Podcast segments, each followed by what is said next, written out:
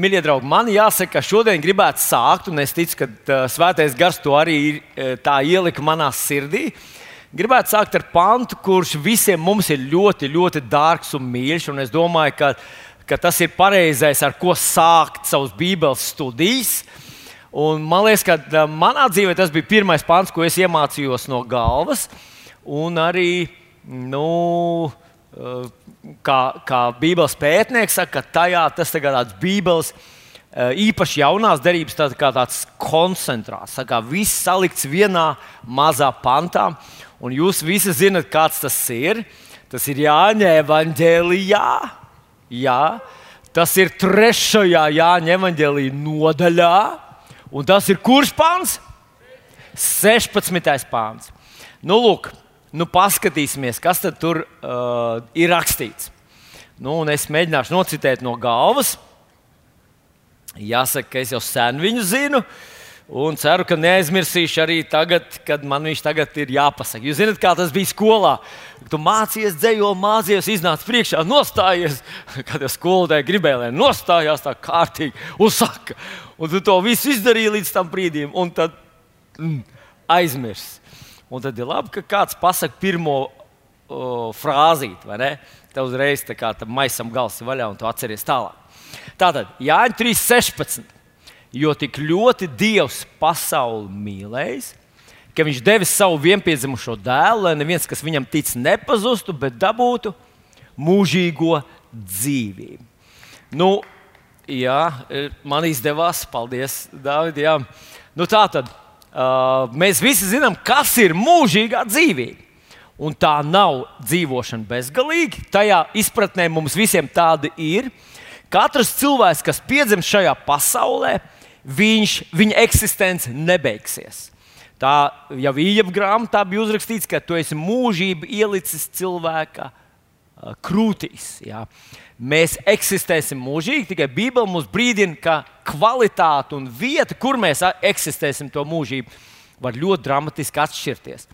Tātad mūžīgā dzīvība tā paliks citai reizei, un, un kādreiz mēs droši vien par to atkal runāsim. Bet šorīt jūsu uzmanību gribu vērst uz divām lietām. Jo tik ļoti Dievs pasauli mīlējis, ka Viņš devis savu vienpiedzimušo dēlu, un tas īpašais akcents uz vienpiedzimušo dēlu. Un otrs ir, lai neviens, kas viņam tic, nepazustu. Dēls un tic. Nu, vispirms apstāsimies pie dēla. Redziet, tur nav vienkārši uzrakstīts, jo tik ļoti Dievs uh, deva dēlu. Vai Dievs deva dēlu, lai neviens, kas viņam tic. Tur ir tas īpašs ievads tam. Ta, bez tā tas ne, nenestu to patiesību, ko Dievs grib pateikt mums. Un tā patiesība ir tāda, ka Dievs tik ļoti mīlēja, tik ļoti mīlēja. Tas nebija vienkārši tāds apsvērums, tāds loģisks risinājums, nākošais solis. Tas bija tas, ko vajadzēja, viņam gribējās, nu tā varēja rīkoties. Tur tā ļoti ultimatīvi pateiks, ka Dievs tik ļoti mīlēja, ka deva savu vienpiedzimušo dēlu. Tik ļoti mīlēja.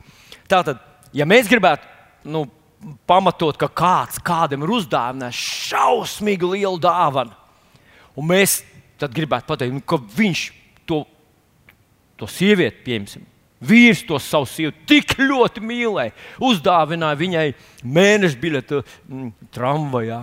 Nu, nu, vai, vai, viņš tik ļoti mīlēja savu sievu, uzdāvināja pannu, ja, jo viņam garšo cepti kartupeļi. Tas, tas būtu pavisam savādāk. Viņš runā ne par, ne par sevi. Dievs saka, ka viņš pasauli tik ļoti mīl. Un mēs visi zinām, ka tās pasaules vietā mēs varam likt iekšā savu vārdu. Dievs tik ļoti mīlēja vilni, ka viņš deva viņam savu vienpiedzimušo dēlu. Dievs tik ļoti mīlēja tevi, ka viņš deva tev savu vienpiedzimušo dēlu. Un redziet, kas ir interesanti. Jēzus druskuļi tālāk, Jāņa Evanģelijā saka tādus vārdus, ka neviens nevar nākt pie manis, ja tēvs viņu nevelk. Nav tāda sagadīšanās, aizgāja garām, dzirdēja, man ir gēns, man ir šis vai tas, vai, vai, vai vienkārši es tādā vidē augu, es, es esmu tāds cilvēks, esmu tāds emocionāls, man tāda, tāda jūtīga sirds vai vēl kaut kā. Jēzus saka, neviens nevar nākt pie manis, ja tēvs viņu nevelk. Tas nozīmē, ja es un tu esam piedzīvojuši Jēzu Kristu, sastapušies ar viņu, Tēvs mūs tik ļoti mīlēja, ka Viņš deva savu dēlu un mūs atveda pie viņa. Wow! Tālāk ir runa par ticību. Bet man gribētos uz mirkli apstāties pie tā viena jautājuma, kas tad ir Jēzus? Ja Dievs tik ļoti tevi un mani mīlēja, ka mums ar tevi dāvināja savu vienpiedzimušo dēlu. Kas tad Jēzus tāds ir? Vai ko tad Dievs īstenībā mums deva tur? Un es saprotu, ka ticībai bez šīs apziņas, atklāsmes par to, ka, kas ir Jēzus, viņai ļoti īsts mūžs. Ja mēs nezinām, kas viņš ir un ko tad patiesībā ietver šī dāvana, Dieva lielā dāvana. Jāņem Evanģelijā, 5. nodaļā, mēs lasām stāstu, ka Jēzus aiziet pie Betesdas dīķa, pie ļoti daudziem cilvēkiem, kuriem visiem ir liela vajadzība. Un Jēzus atnāk ar visu savu kapacitāti, ar visu savu spēju, vēlmi un ar misiju palīdzēt un glābt cilvēkiem. Arī uz tiem cilvēkiem attiecās šis pats vārds. Dievs tik ļoti mīlēja visus tos, kas tur pie tā Betesdas dīķa bija ka viņš deva viņiem savu vienpiedzimušo dēlu, lai viņš viņus, lai viņi neiet pazušanā, lai viņi tiktu izglābti. Un tajā konkrētajā gadījumā mēs redzam, ka runa nav par aizkapa dzīvi. Cilvēkiem ir ļoti viegli ticēt aizkapa dzīvei, jo nu, nav nekas ar ko salīdzināt. Nu, ne, nevar nekā to pārbaudīt. Tas ir vienīgais arguments. Mēs jau nezinām, kā tur būs. Nu, labāk uzticēsimies Jēzum. Bet Jēzus tas ir ļoti spilgts pierādījums, ka Jēzus ir apsolījums tur, bet viņš ir reāli palīdzība šeit. Un mums šajā pasaulē ir tik daudz traku suņu, un šeit es runāju par, ne par cilvēkiem, runāju pat ne par slimībām. Slimības ir demoniskās pasaules un grēka sekas. Bet vēlnu vai dēmoni ir tik daudz, un viņi ir tik organizēti, ka cilvēki regulāri tiek sakosti un viņiem vajadzīgs ir glābējs un pestītājs Jēzus Kristus. Un pie tajā visā milzīgajā pūlī ir tikai viens cilvēks. No visas tās lielās vajadzības ir tikai viens vienīgs cilvēks, kurš pietiekami pievērš uzmanību Jēzum, lai noticētu viņam. Un atcerieties, viņš bija 38 gadus bijis slims. Cilvēks, kurš ir nogulējis 38 gadus bez slimības, ir pazudis. Viņš nekad nespēs vairs atgriezties dzīvē, viņš vairs nespēs piecelties, nespēs neko izdarīt. Pat gadu nogulēt vienkārši veselam cilvēkam būtu absolūti destruktīvi. Kur nu vēl 38 gadus slimam cilvēkam? Bet, kad pie viņa atnāk Jēzus, tas slimais cilvēks viņam tik ļoti notic, ka pretēji visām diagnozēm, visām loģiskām prāta nu, padomiem un secinājumiem. Es domāju, ka visas pasaules zinātnieki, visas pasaules doktori varēja teikt tam puisim, neklaus, ko viņš tev saka. Tu nevari to izdarīt, ko viņš no tevis grib. Bet viņš nepaklausīja visiem tiem gudrajiem. Viņš raudzījās uz Jēzu un saskatīja viņai, viņā tādu autoritāti, ka viņš uzdrošinājās viņai paklausīt. Un tieši šī paklausība, tieši šī uzticēšanās Jēzus vārdiem atraisīt Dieva spēku, kas piepildīja tā puika atrofētos muskuļus un izkaldušās locītavas un viņa nespēcīgos kaulus. Un tā tālāk. Viņš nesabruka tur, bet viņš piecēlās un gāja. Bet tajā pašā laikā viss šis stāsts mums atklāja vēl kādu ļoti īpatnēju un interesantu lietu. Un tā ir, ka cilvēks ēdienas dārzā, kad viņš gribēja iegūt zināšanas šajā pasaulē, pazaudēja savu garīgo redzesmu un ar viņu bija noticis brīnums. Viņš bija sastaps Mēsiju. Viņš bija piedzīvojis vienu no vispār lielākajiem brīnumiem, kād, par kādiem Bībele vispār runā. Un tomēr viņš to īsti nesaskatīja. Viņš neredzēja to. Viņš vienkārši, nu, protams, Viņš nejūtās kā eņģelis. Tur kā oh, viņš iet metru virs zemes, nes savu gultu uz, uz, uz, un halleluja, dzied slavas dziesmas. Viņš jūtās tā, kā mēs ar tevi jūtamies, kad piedzīvojam brīnumu. Un labi, ak, ir, jā, jā, bet tāpat jāiet uz darbu, tāpat no rīta jāceļās, tāpat jā, jātaisa ēst. Un, un, un, un tāpat visāds tās, tās dzīves rutīna, tā dzīves um, nu, pelēkā puse uz mums ir. Un kad viņam kāds saka, kāpēc tu nes gultu, viņš saka, tu, tu, tas teica, lai es nesu to gultu. Un, un, un mēs neredzam viņā sajūsmu, pateicību, slavu. Un es teicu sev, tādi mēs visi esam. Tādi mēs cilvēki esam. Esam piedzīvojuši brīnumu, esam sastapušies ar to, ko Dievs tik ļoti mīlēja, ka dāvināja tādu dāvanu. Un lielākā daļa kristieši ir tā, it kā Viņam kāds pavēlēs nest gultu, un viņš teica, nes. Ko tu ej uz to draugu? Man teica, lai es eju.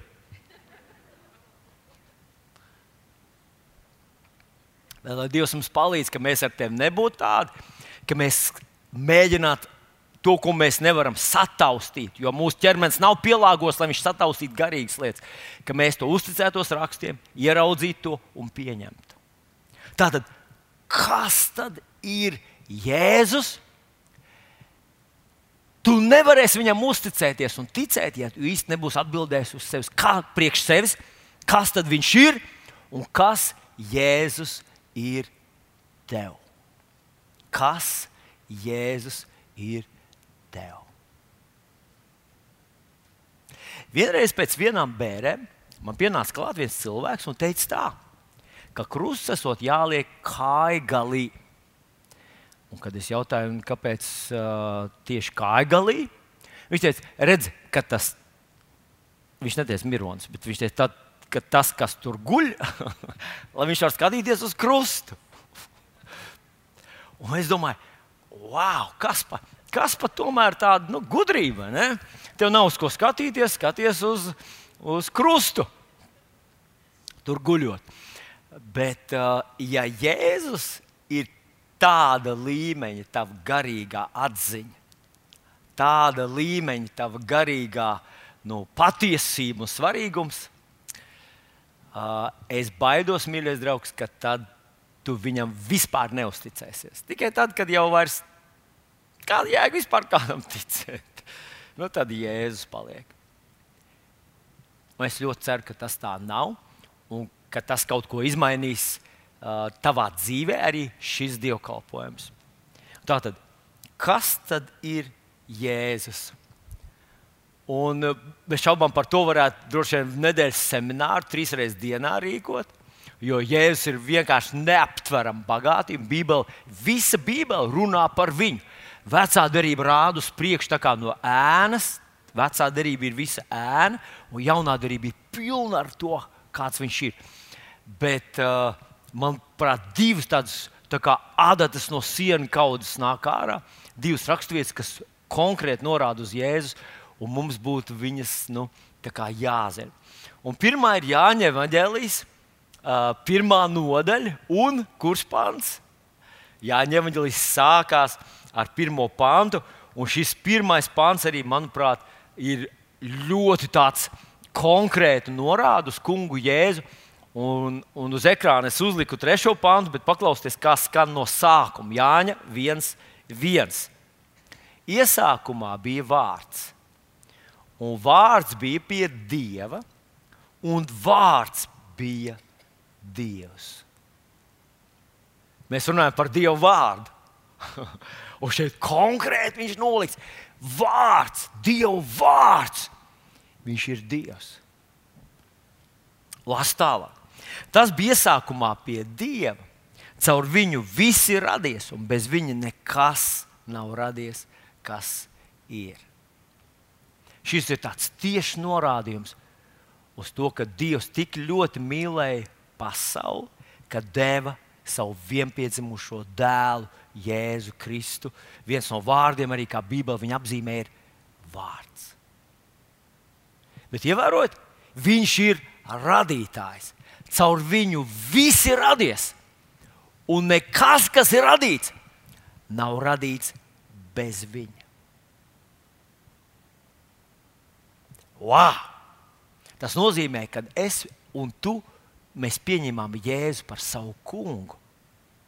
Kad es un tu mēs pieņemam Jēzu par savu kungu, mēs pieņemam ne vienkārši kādu reliģisku līderi, ne vienkārši kādu, kurš mūs savāks Jardānas otrā pusē, es domāju, pēc nāves, bet mēs pieņemam radītāju savā dzīvē.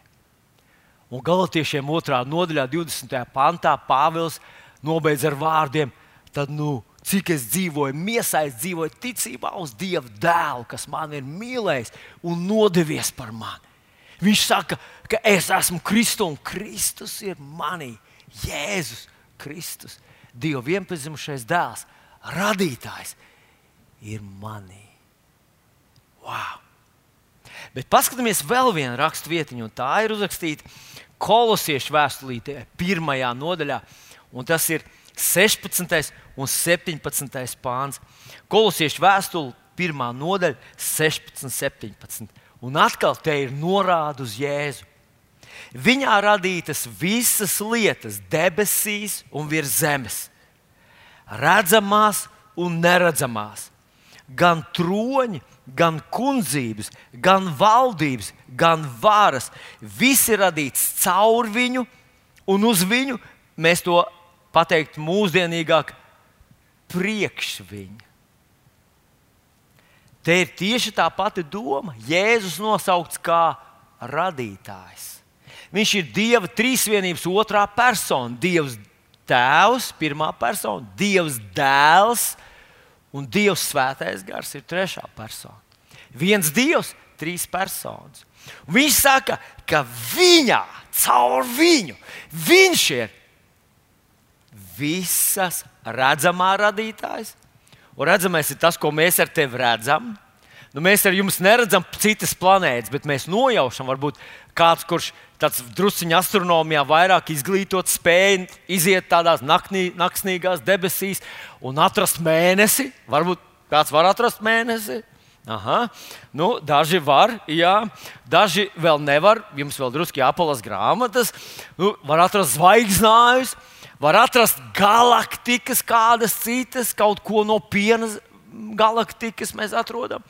Un pēc tam izrādīties, ka mūsu galaktika, kas mums liekas vispār neiedomājami milzīgs mērogs, ir vismazākā un ir viena no miljoniem, iespējams, miljardiem galaktiku.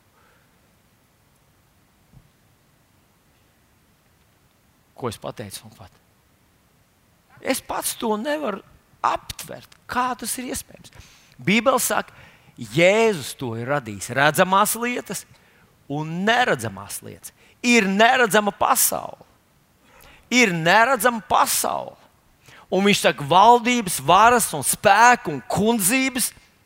Tur ir, mēs lasām Bībelē par eņģeļiem, ķērubiem, par kara, kara eņģeļiem, militāriem eņģeļiem, kas var vienā naktī 100 tūkstoši, 200 tūkstoši, 500 tūkstoši, kas vispār cilvēki vispār nav, nav konkurenti, tur vispār nav, nav par ko runāt. Jēzus ir tā visa radītājs. Jehovas liecinieku sekta apgalvo, ka Jēzus ir viens no radītiem eņģeļiem, visvarenākais, lielākais un tomēr viens no radītiem eņģeļiem.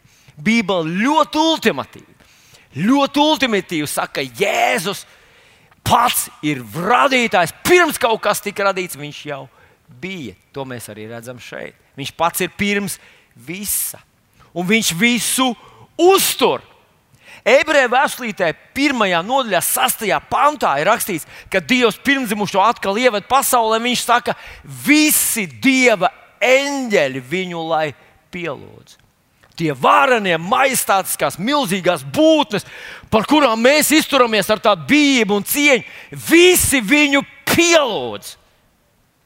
To Jēzu, ko Dievs tik ļoti tevi un man mīlot, mums dāvināja.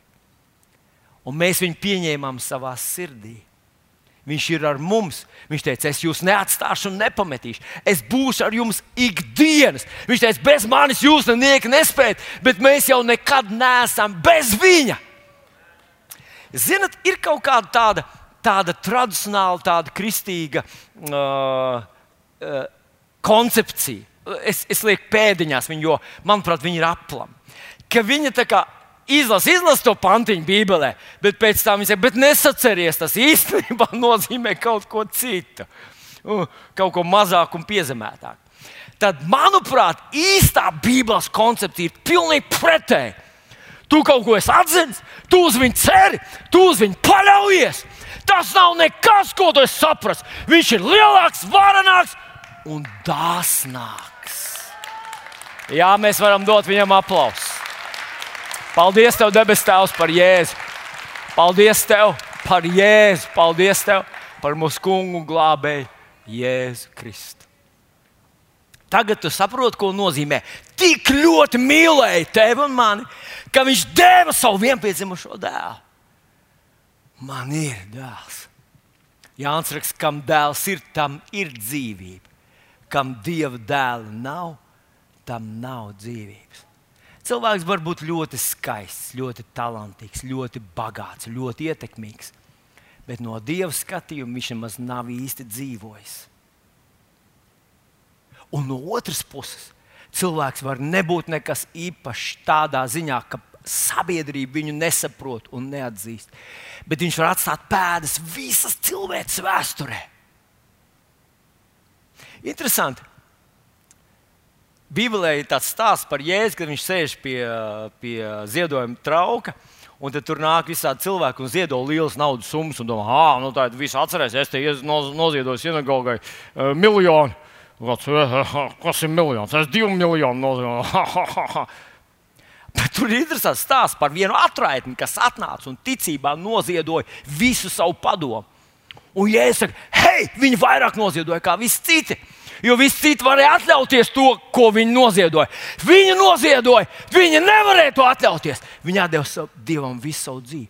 Un tad viņi saka, turpmāk, visur, kur viens sludinās šo evanģēliju, hei, tur bija Jēzus 12 neizglītot puiši un, un, un bariņš ar, ar provinciālu cilvēku apkārt.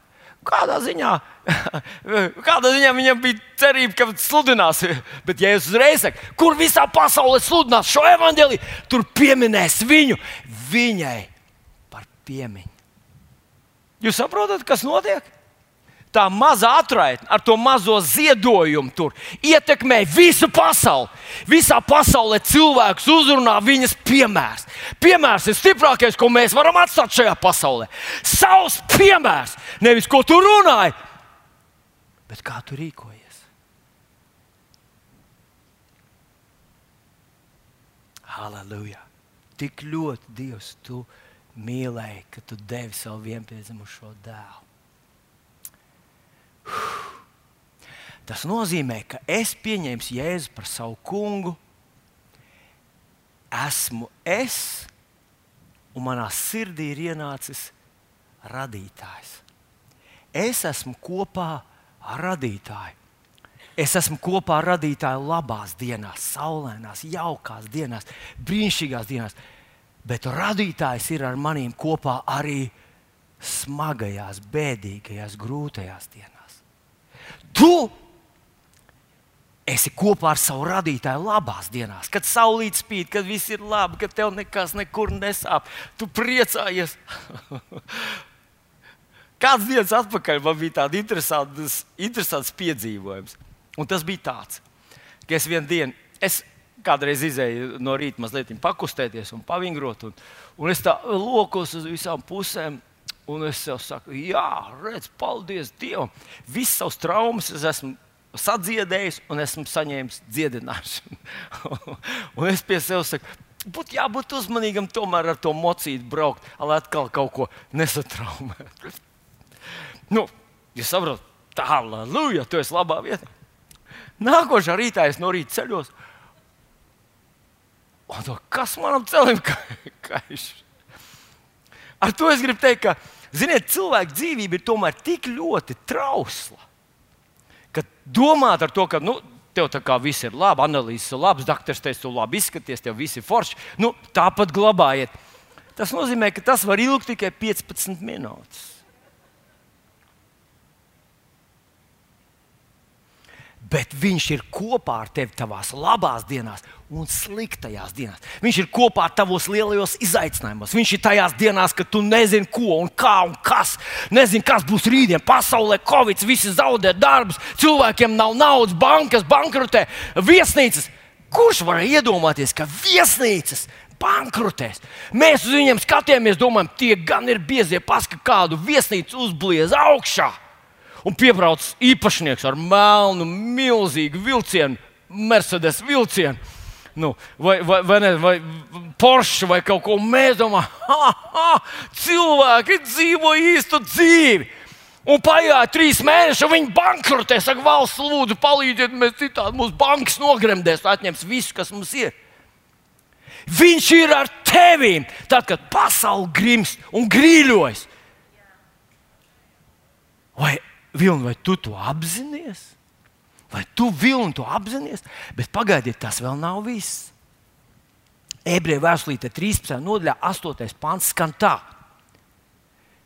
Jēzus Kristus vakar un šodien tas pats un mūžīgi. Es pateikšu vēlreiz. Jēzus Kristus vakar un šodien tas pats un mūžīgi. Jēzus Kristus vakar un šodien tas pats un mūžīgi. Ja Jēzus Kristus ir radītājs, viņš ir radījis visu pasauli. Un nekas, kas ir radīts, nav radīts bez viņa. Un viņš nemainās. Viņš ir tāds pats ienācis manā sirdī un manā dzīvē. Tas nozīmē, ka es un radītājs Dievs nav pārtraucis, nav pazaudējis savu spēju. Viņš nav aizgājis atvaļinājumā, viņš neguļ vienkārši kaut kur kādā augšstabā manā dzīvē. Viņš ir pie manis ar visu savu radošo spēku un enerģiju.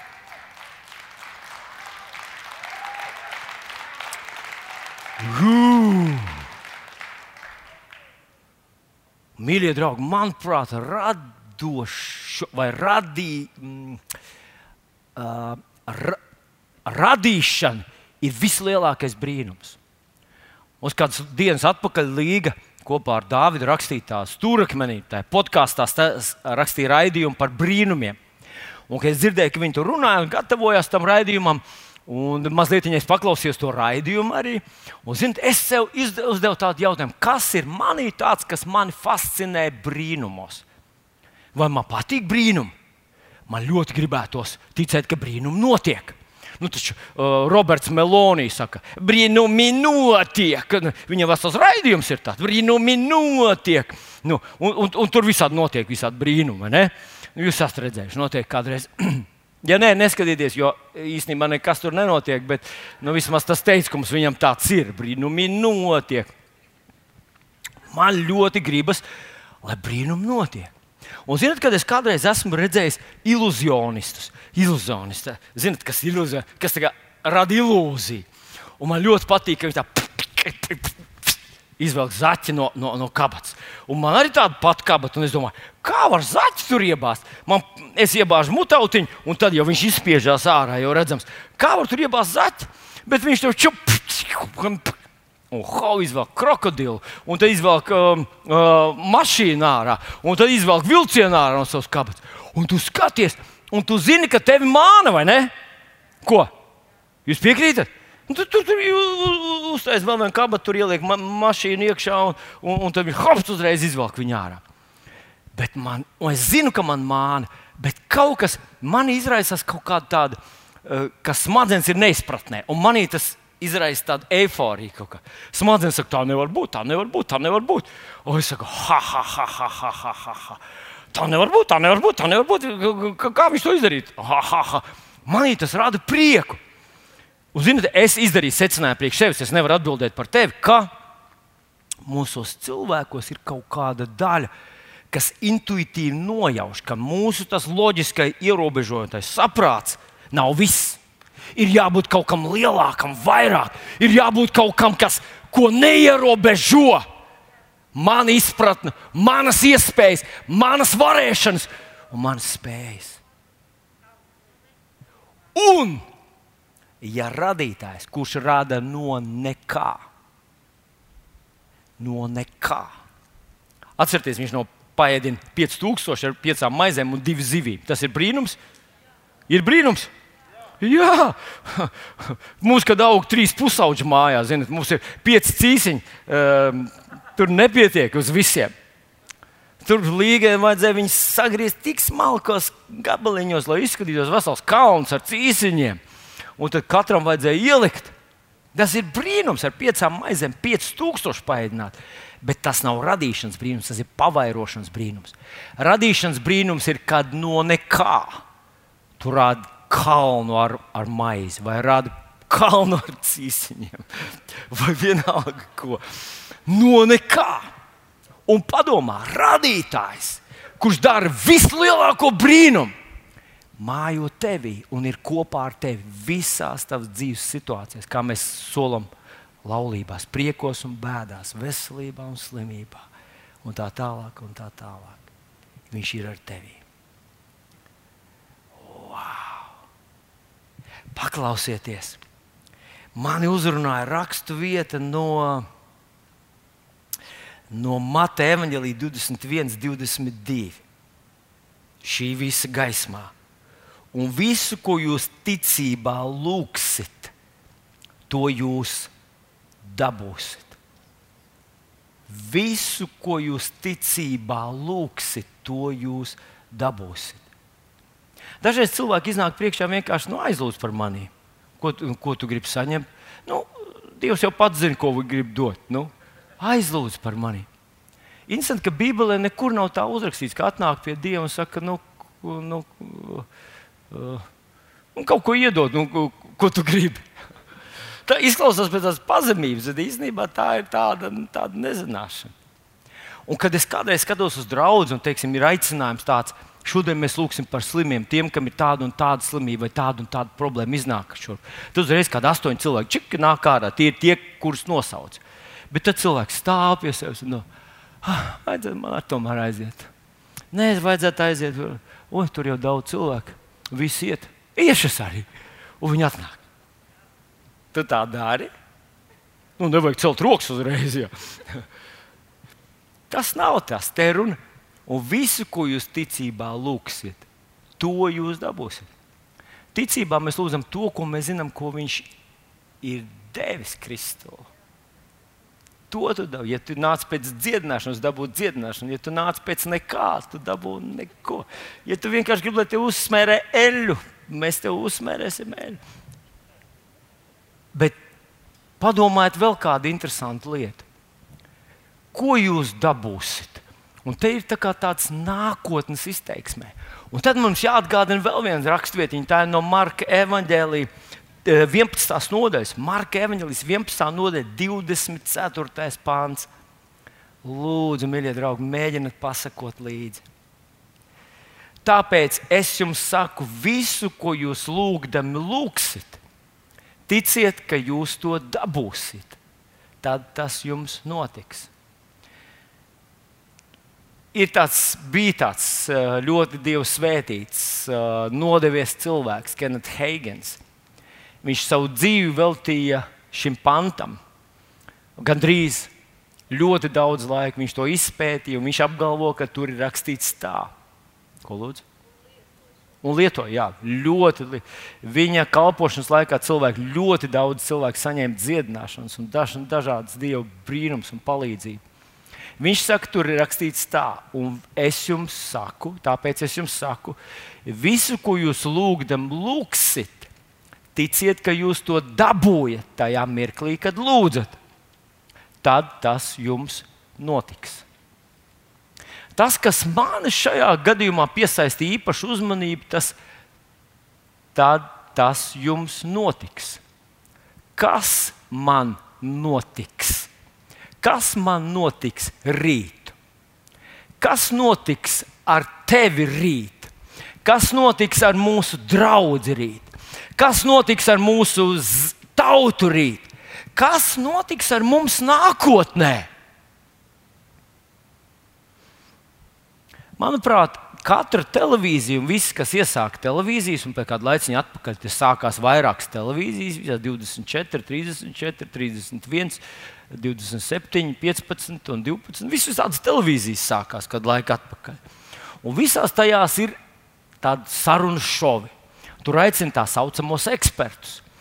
Un šeit un tad tajā sarunās cilvēki nonāk līdz tam, ka viņi sāk runāt par to, nu, kas tad būs uz priekšu. Un eksperti parasti saka, nu, tas jau ir miljonus vērts jautājums. Ja es zinātu, kas notiks, es droši vien būtu ļoti bagāts. Bet ko tad cilvēki dara? Ko cilvēki dara? Cilvēki analizē šā brīža situāciju, un tad, izējot no šā brīža situācijas, apmēram prognozē nākotni. Vai vēl labāk, viņi analizē šā brīža situāciju, tad paskatās druskuļi atpakaļ, kā tas viss ir attīstījies, kā tas virzās šurp, un tad izsaka savus prognozes. Tātad viņi izsaka savus prognozes par nākotni, balstoties tagadnē un pagātnē. Un tas ir cilvēcisks veids, kā to darīt. Bet mums ir ļoti labs piemērs mūsu laika uh, prognozētāji vai meteorologi, kas rīkojas tieši tāpat. Viņi paskatās, kāda situācija ir šobrīd. Viņi paskatās druskuļi atpakaļ, kā tas mākslinieks nāca pie mums trīs dienas. Tad viņš saka, ka turpmākās trīs dienas cerams, ka viņš virzīsies līdzīgi. Tas nozīmē, ka Latvijā nākamās trīs dienas būs lietains, vējains, un brīžiem uzspīdēs saule, brīžiem pārtrūks lietas, brīžiem uzlīs lietas, brīžiem. Mm, Viss ir iespējams, citiem vārdiem. Būs vējš, un lietus būs vēsāks, siltāks, būs saulīte, uzspīdēs, paliks vēsāk. Nu, ņemiet līdzi visu, kas jums mājās ir, visu arsenālu. Un jūs zināt, un mēs klausāmies, jā, cik gudrs padoms. Bet īstenībā viņi īsti nav droši. Un mēs zinām, ka, kad viņi prognozē lietas, tad viņa nav. Un tad, kad viņi prognozē sausu laiku, viņa tāda nav. Tieši tāpat tas var notikt, ja mēs vērtējam, un analizējam un gatavojam savu nākotni saskaņā ar to situāciju, kurā esam, un saskaņā ar pagātnes tendencēm. Bet Dievs bija domājis savādāk, un tāpēc viņš uzrakstīja šo te vārdu. Ievēro, ka tad tas jums notiks, ir runa par nākotni. Vai tiešām mēs ar jums varam kaut kādā mērā ietekmēt savu nākotni?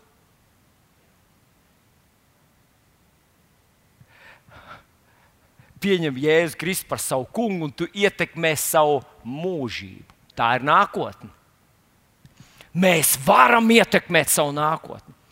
Un paklausieties, kā tas skan Iesai grāmatā 55. nodaļā. Iesai grāmatā 55. nodaļa no 8. panta. Es izlasīšu to raksturvietību. Jo manas domas nav jūsu domas, un mani ceļi nav mani ceļi, saka tas kungs. Cik augstākas debesis ir pār zemi, tik augstāk ir mani ceļi pār jūsu ceļiem, un manas domas pār jūsu domām. Nu, kas ir ceļi? Ceļi, protams, ir dzīves, nu, tas ceļš, pa kuru mēs ejam. Dažreiz jauniešiem mēs sakām, izvēlies, kurā skolā to mācīsies, jo tas noteiks, pa kuru ceļu tu turpmāk savā dzīvē iesi. Un Dievs šeit saka, paklausies, ka ir iespēja izvēlēties cilvēcīgu ceļu, vai prognozēt cilvēcīgu ceļu, vai gatavot savu nākotni cilvēcīgi. Un viņš saka, tas ir kā zemes ceļi un mani ceļi. Jūsu ceļi un mani ceļi, jūsu domas un manas domas. Tālāk viņš saka, tā kā lietus un sniegs nāk no debesīm un turp neatgriežas, pirms tas nav vēl dzējis zemi, to apaugļos un tērpjas zaļumā. Tātad lietus lāsts, kad viņi nokrīt uz zemes, viņi neatsitās pret zemi un nelec atpakaļ. Viņa vispirms izdara kaut kādu vajadzīgu darbu šeit uz zemes, kā mēs zinām. Un viņš saka, tieši tāpat ir ar manu vārdu. Mans vārds atnācis pie cilvēka, un ja cilvēks to uzņem, Atcerieties, pie Betesdas dīķa bija ļoti daudz cilvēku, kuriem vajadzēja brīnumu. Bet tikai viens no visā tā lielā pūka, tikai viens pieņēma šo jēzu vārdu. Un tas izdarīja viņa dzīvē brīnumu. Tāpat tas ir ar manu vārdu, kas iziet no manas mutes. Tas neatgriezīsies pie manis atpakaļ. Iekāms tas nebūs izdarījis to, kam dēļ es to sūtu, piepildījis savu uzdevumu. Es pateicu saviem vārdiem. Tas nozīmē, ka ja es pieņemu Dieva vārdu savā dzīvē. Un es tam ļauju uzzīmēt man nākotnes ainu. Es to sargāju savā dvēselē, un es tam ticu. Tas nozīmē, ka es varu izveidot vai ietekmēt savu nākotni. Nevis balstoties uz tā, kur es atrodos šobrīd, un balstoties uz to, kur es biju vakar, kas ar maniem notika, bet es varu balstīt savu nākotnes redzējumu, savu nākotnes realitāti, varu balstīt tajā, ko Dievs ir gribējis manā dzīvē izdarīt. Jo Viņš ir sūtījis manā dzīvē radītāju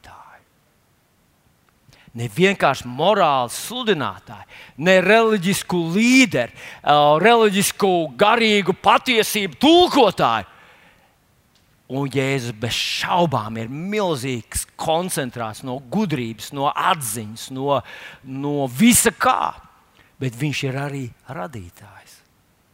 Pieņēmis Jēzu par savu kungu, noticējis viņam, uzticējis viņam savu dzīvi radītāju.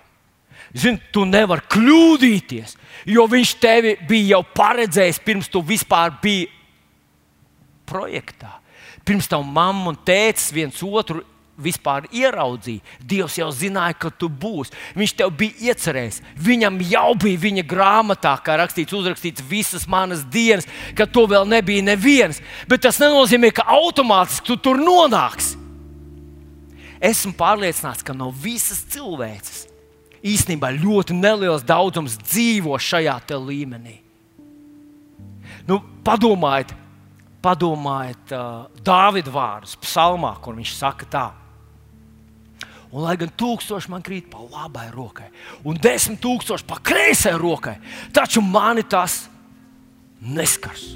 Kā tu vari teikt kaut kādus tādus vārdus? Ja tas notiek ar visiem, ja tas ir tas, kā tas darbojas, ar visiem šajā pasaulē notiek tā, kā tu vari apgalvot, ka tevi tas neskars? Tāpēc, ka es saņēmu vārdu no viņa, un es tam vārdam uzticējos. Tas radītājs ienāca manā dzīvē, un viņš rāda manu nākotni saskaņā ar viņa plāniem, ne ar cilvēciskiem viedokļiem. Kā dievam vajag cilvēks, kas viņam tic? Tas ir deficīts. Ir varbūt ticīgie tādi vidusmēra izpratne, tā ticīgie, jā, pēc nāves, jā, es ceru, ka es būšu glābts, ka es nebūšu pēlē.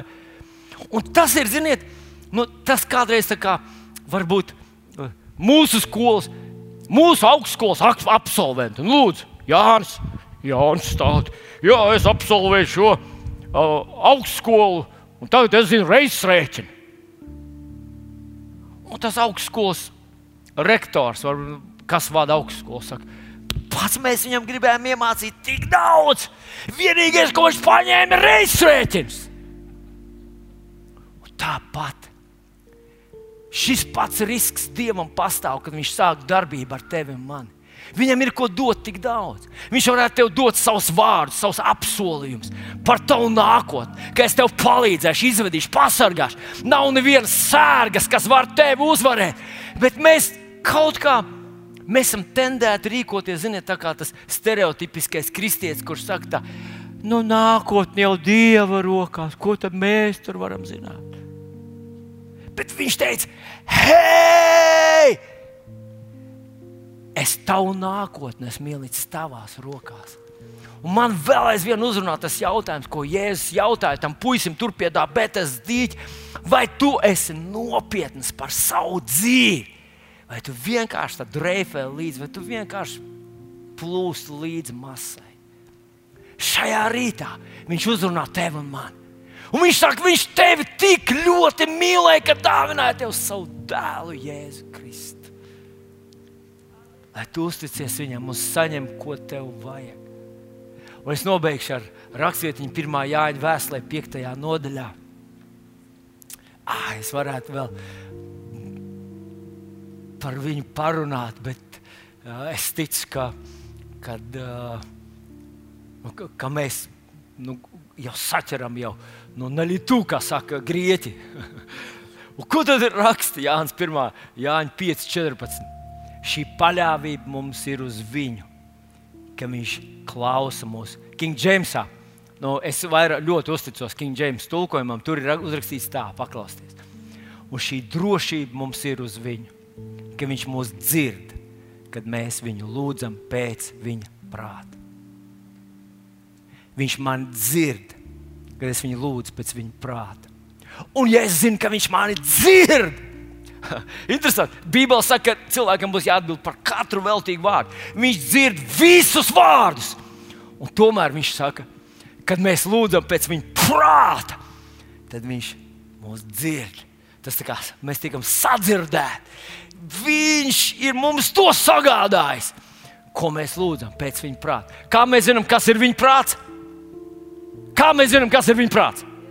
Tas, kas ir rakstīts Bībelē, tas, ko Jēzus ir izdarījis, ir Dieva prāts. Un, ja zinām, ka Viņš mūs dzird, tad mēs zinām, ka saņemam to, ko esam no Viņa lūguši.